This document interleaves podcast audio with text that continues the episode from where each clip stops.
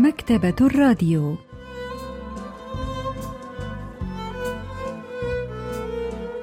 أهلا وسهلا بكم في حلقة جديدة من البرنامج الأسبوعي مكتبة الراديو الذي نستعرض من خلاله كتابا جديدا كل أسبوع. واليوم سوف نستعرض خامس حلقات السلسلة الخاصة التي أعدها لكم فريق برنامج مكتبة الراديو في شهر مايو تحت عنوان الصديق الحق في قصص الأطفال. واليوم سنستعرض قصة فندق الفضاء للكاتبة يوسون هي. لحظات ونوافيكم بالتفاصيل.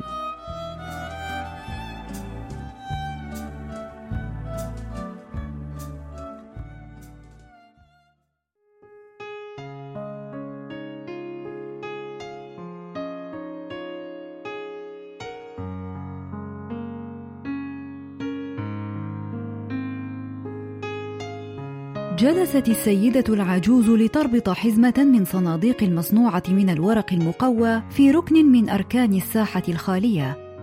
لم تبطئ يداها وتيرة العمل حتى مع مرور الوقت المستمر.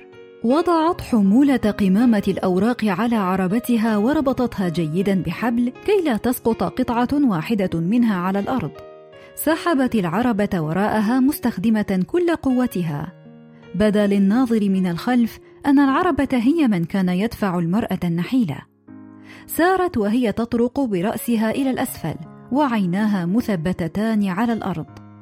كانت ترى أن عينيها هي الشيء الوحيد الذي لم يشخ.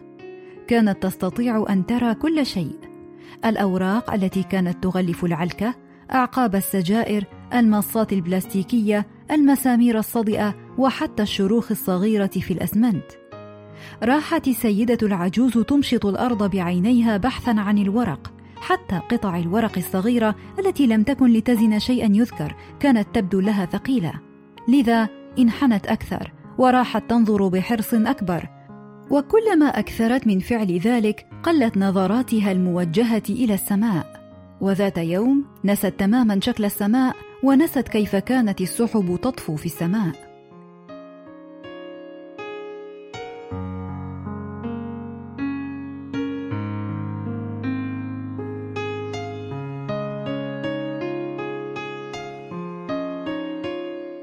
نشرت قصة فندق الفضاء للكاتبة يوسون هي عام 2012 وبطلة القصة هي امرأة عجوز تجمع الصناديق المصنوعة من الورق المقوى ونفايات الأوراق لتجني منها المال اللازم للعيش وهي تعيش وحدها في شقة ضيقة للغاية بالطابق الأرضي. جرت عربتها حتى متجر الخضراوات. أدخل الموزع الخضراوات إلى المتجر ثم رص الصناديق الورقية الفارغة في كومة خارج المتجر. كانت هذه الصناديق من نصيبها.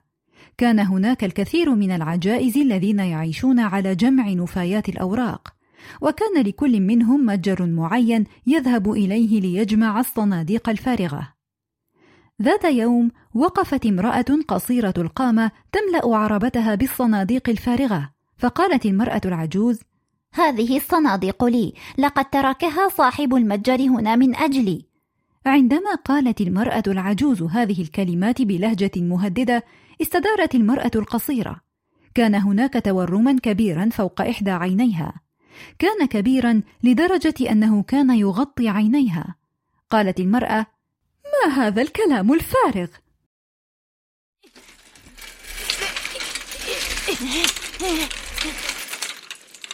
جرت المرأة ذات التورم فوق عينيها العربة المليئة بالصناديق مبتعدة. دفعت المرأة العجوز المرأة القصيرة متورمة العين فسقطت على الأرض سقطة شديدة. كانت المرأة العجوز تشفق عليها، ولكن لم يكن أمامها خيار آخر، لأنها لو سمحت لها بأخذ الصناديق لتجرأ عليها الآخرون وأخذوا أشياءها أيضا. قالت المرأة العجوز: إذا جرؤت على أخذ ما هو لي مرة ثانية فستدفعين الثمن غاليا.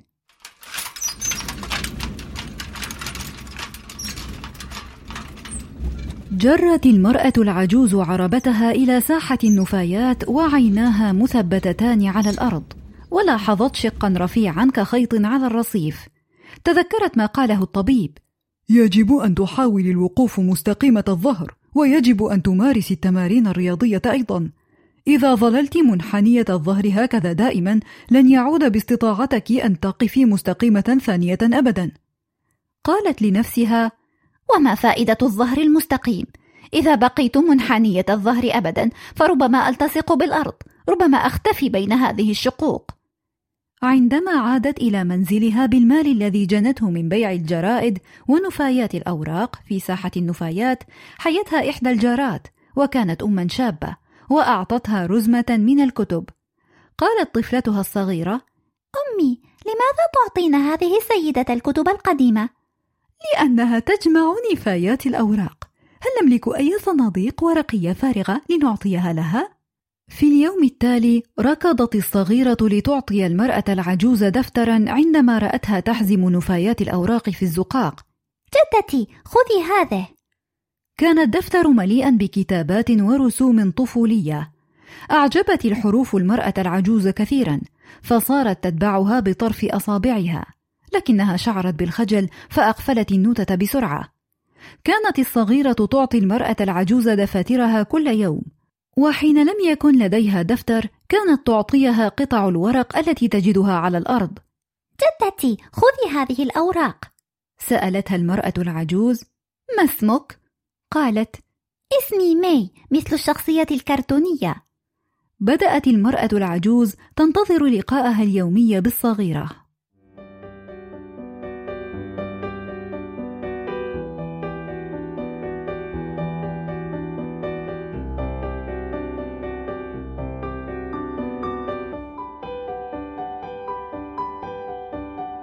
ذات يوم جلبت الصغيرة كراسة الرسم التي انتهت من استخدامها. راحت المرأة العجوز تتأمل الرسوم بإعجاب كبير. كانت الفتاة قد رسمت المجموعة الشمسية بصورة ساحرة. كان كوكب الأرض مستديرا، وكان زحل مميزا بحلقاته الرائعة، وبدأ المشترى كبيرا مذهلا. أما الشمس فقد بدت حيوية بأشعتها الحمراء النارية. وبين هذه الكواكب كلها طارت سفينة فضاء لها هيئة الفطر الشهي. ترى متى كانت آخر مرة نظرت فيها إلى السماء لأرى النجوم والقمر؟ تذكرت أنها عندما كانت صغيرة كانت تحب النظر إلى سماء الليل وكانت تحلم بالطيران إلى القمر. شعرت أنها تحمل السماء والنجوم والقمر بين ذراعيها. لا أصدق أنه هناك ما أريد أن أحمله بين يدي في سن كبير كهذا. هكذا تمتمت وهي تتأمل السماء وكانت السماء غائمة وكأنها ستمطر قريبا. دخلت السيدة العجوز إلى قلب دفتر الرسم. كان المكان الصغير الذي شغلته هناك مظلما دائما لأن أشعة الشمس لم تكن تصل إليه ولكنه كان مريحا.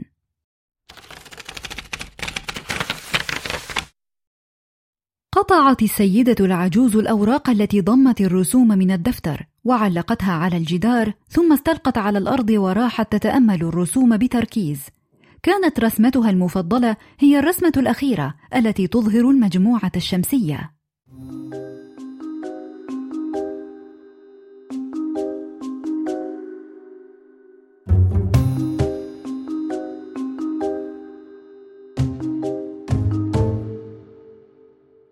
عندما غاصت داخل الرسمة رأت شيئا لم تكن قد لاحظته من قبل. كانت قلعة على شكل عنقود عنب تحلق فوق كوكب الأرض الأزرق وكانت كل ثمرة عنب تشبه حجرة صغيرة. وعلى سطح القلعة التي تظهر في الصورة كعنقود من العنب جلس طفلان يشربان الشاي. الغريب في الأمر أن أحد الطفلين كان له عينان جاحظتان وفم كبير كالضفادع. كانت أطرافه طويلة وكان لونه أخضر. لم تكن قد رأت شخصا كهذا من قبل. ثار فضول السيدة العجوز تجاه ذلك الكائن. يا له من أمر عجيب. كيف يثار فضول شخص عجوز مثلي هكذا فجأة؟ استهجنت المرأة العجوز فضولها فكبتته. ولكن الفكرة بقيت هناك. ترى من يكون ذلك الطفل الأخضر؟ ثار فضول المرأة العجوز بصورة فجائية. الناقدة الأدبية جون سو يونغ تشرح لنا سبب ذلك الفضول المفاجئ. 종이 할머니의 반지하 단칸방은 햇빛이 잘 들어오지 않는 그런 곳이었습니다. 그래서 할머니가 매일 الشقة الصغيرة التي تسكن المرأة العجوز فيها شقة مظلمة لا تصل إليها أشياء الشمس وعندما علقت الرسوم الطفلة الصغيرة على الجدران تخيلت النوافذ الصغيرة تنفتح في جدارها والنوافذ تجلب لنا الهواء والضوء من الخارج وهو الدور الذي لعبته رسومات الطفلة التي صنعت طريقا يمكن للسيدة العجوز أن تشقه للتواصل مع العالم الخارجي. ولذلك تذكرت المرأة العجوز السماء التي رأتها في الماضي ووجدت أسئلة توجهها إلى الطفلة صغيرة. وهكذا اشتعلت فيها الرغبة في التواصل مع الآخرين من جديد وهي رغبة كانت قد نستها تماما وسط عالمها المظلم. أيتها الجدة يمكنك أن تأخذي هذه أيضا. جاءت الصغيرة مجددا لتعطيها دفترا من دفاترها وهذه المرة دخلت غرفة السيدة العجوز التي كانت غرفة ضيقة للغاية. يا إلهي إنها رسمتي! أشارت المرأة إلى القلعة الهائمة في الفضاء التي تشبه عنقود العنب وسألت ما هذا؟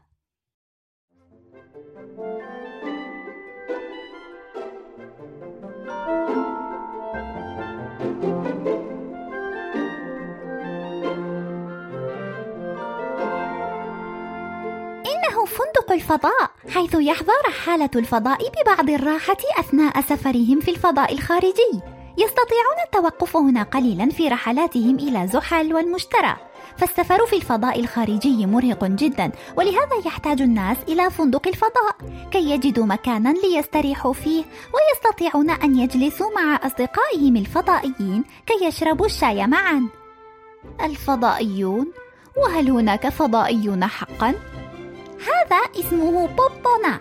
قابلته خلال رحلتي في الفضاء. بوبونا يحب القبلات ولهذا تجدين فمه بارزا للخارج كالضفادع. ثم ركضت الصغيرة بسرعة خارجة. قالت المرأة العجوز لنفسها ربما هي على حق. إذا كانت السماء واسعة إلى هذا الحد فربما يكون الكون أوسع. ظنت المرأة العجوز أنها تستطيع حقا أن ترى فندق الفضاء يقف بشموخ وسط النجوم اللامعة وتمنت لو تستطيع الطيران إلى الفندق كحمامة.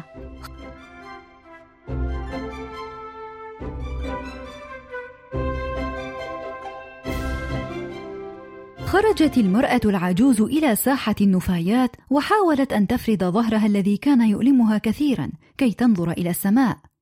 كانت الغيوم الداكنة قد انقشعت فبدت أشعة الشمس ساطعة قوية قررت ألا تحني ظهرها مجددا لأنها خافت أن تفقد القدرة على رؤية فندق الفضاء من جديد البروفيسور بانغ مين هو أستاذ الأدب الكوري بجامعة سيول الوطنية يحدثنا عن قرارها 이 할머니는 오랜 삶을 살아오면서 생활에 지친 사람이죠. 그러니까 폐지를 줍고 ساءمت المرأة العجوز حياتها الطويلة الشاقة. كانت تغصب عيشها من خلال جمع نفايات الورق ولم تكن ترفع عينيها من أعلى الأرض. ولكنها استطاعت أن ترى السماء من خلال لوحة الطفلة التي رسمت فيها مشهدا من الفضاء الخارجي والسماء والقمر. وهذا المشهد هو ما جعل يجعل قصة مميزة. فنحن لا ننظر إلى السماء أثناء أيامنا الصعبة الشاقة التي يسيطر عليها الانشغال. لكننا حين ننظر إلى السماء نكتسب نظرة جديدة تماما للحياة. فهي تتيح لنا أن ننظر لحياتنا من أعالي السماء وهذا المشهد يصف لنا لحظة تنوير تلك. في اليوم التالي رأت المرأة العجوز المرأة ذات العين المتورمة التي كانت قد تشاجرت معها منذ بضعة أيام. كانت جالسة تبيع الحبوب أمام إحدى المكتبات.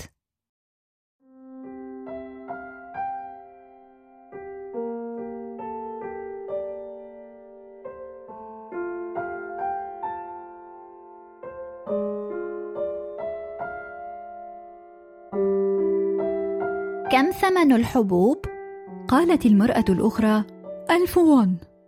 بدت المرأة ذات العين المتورمة مرهقة للغاية، وبدا انها لم تتعرف على المراه العجوز رغم انها تشاجرت معها منذ أيام قليله. وربما كان السبب في ذلك هو الورم الذي يخفي عينها. ركض بعض الاطفال امامهما وهم يصيحون عندها تورم فوق عينها إنها من الكائنات الفضائية لنهرب بعيدا عنها. أجفلت المرأة العجوز حين سمعت كائن فضائي.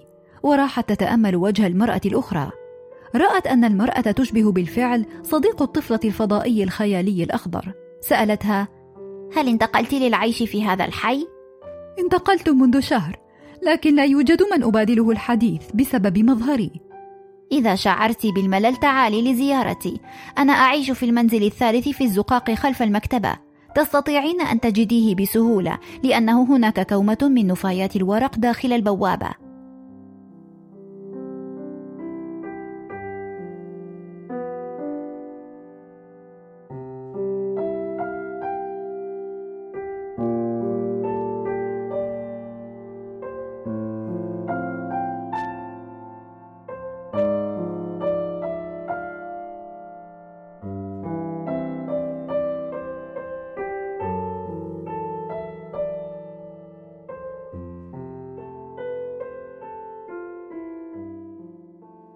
حملت المرأة العجوز كيس الحبوب الذي اشترته وذهبت إلى ساحة النفايات.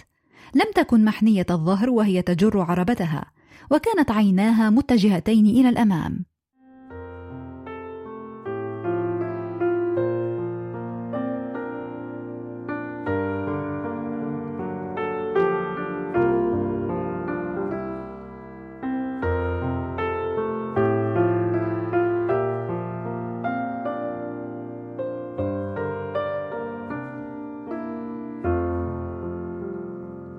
جاءت الفصول ورحلت عدة مرات. ظلت المرأة العجوز تجمع الصناديق الورقية ونفايات الورق ولكنها لم تعد وحيدة. كانت المرأة ذات العين المتورمة دائما برفقتها. كانتا تتناولان العشاء معا وتشربان الشاي معا. وكانت أفكار السيدة العجوز تهيم وهي تتأمل اللوحات المعلقة على الجدار. ربما يكون هذا هو فندق الفضاء. هذا هو المكان الذي أستريح فيه من الترحال في الفضاء. أنا في وسط الكون.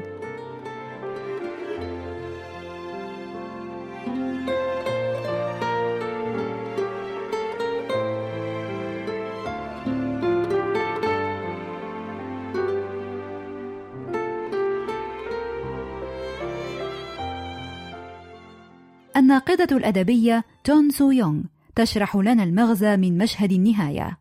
이 동화에는 두 개의 우정이 등장을 하는데요. 종이 할머니 입장에서 보면 하나는 메이에게 받은 تذكر قصة صداقتين الأولى هي الصداقة التي جمعت بين المرأة العجوز جامعة النفايات وطفلة صغيرة والثانية هي الصداقة التي جمعت المرأة العجوز بالمرأة الأخرى ذات الورم الكبير فوق عينها وهاتان الصداقتان تخالفان أثرا طيبا على كل المستويات.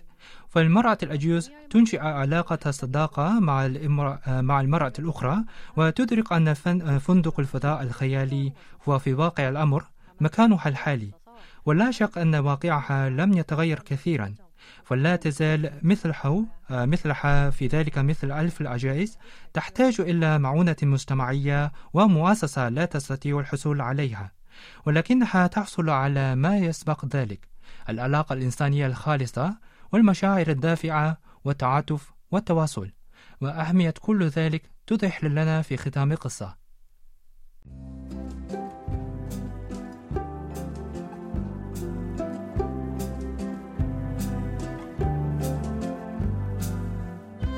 استعرضنا معا قصة فندق الفضاء للكاتبة يوسون هي. وإلى اللقاء في الأسبوع القادم مع كتاب جديد ومبدع جديد.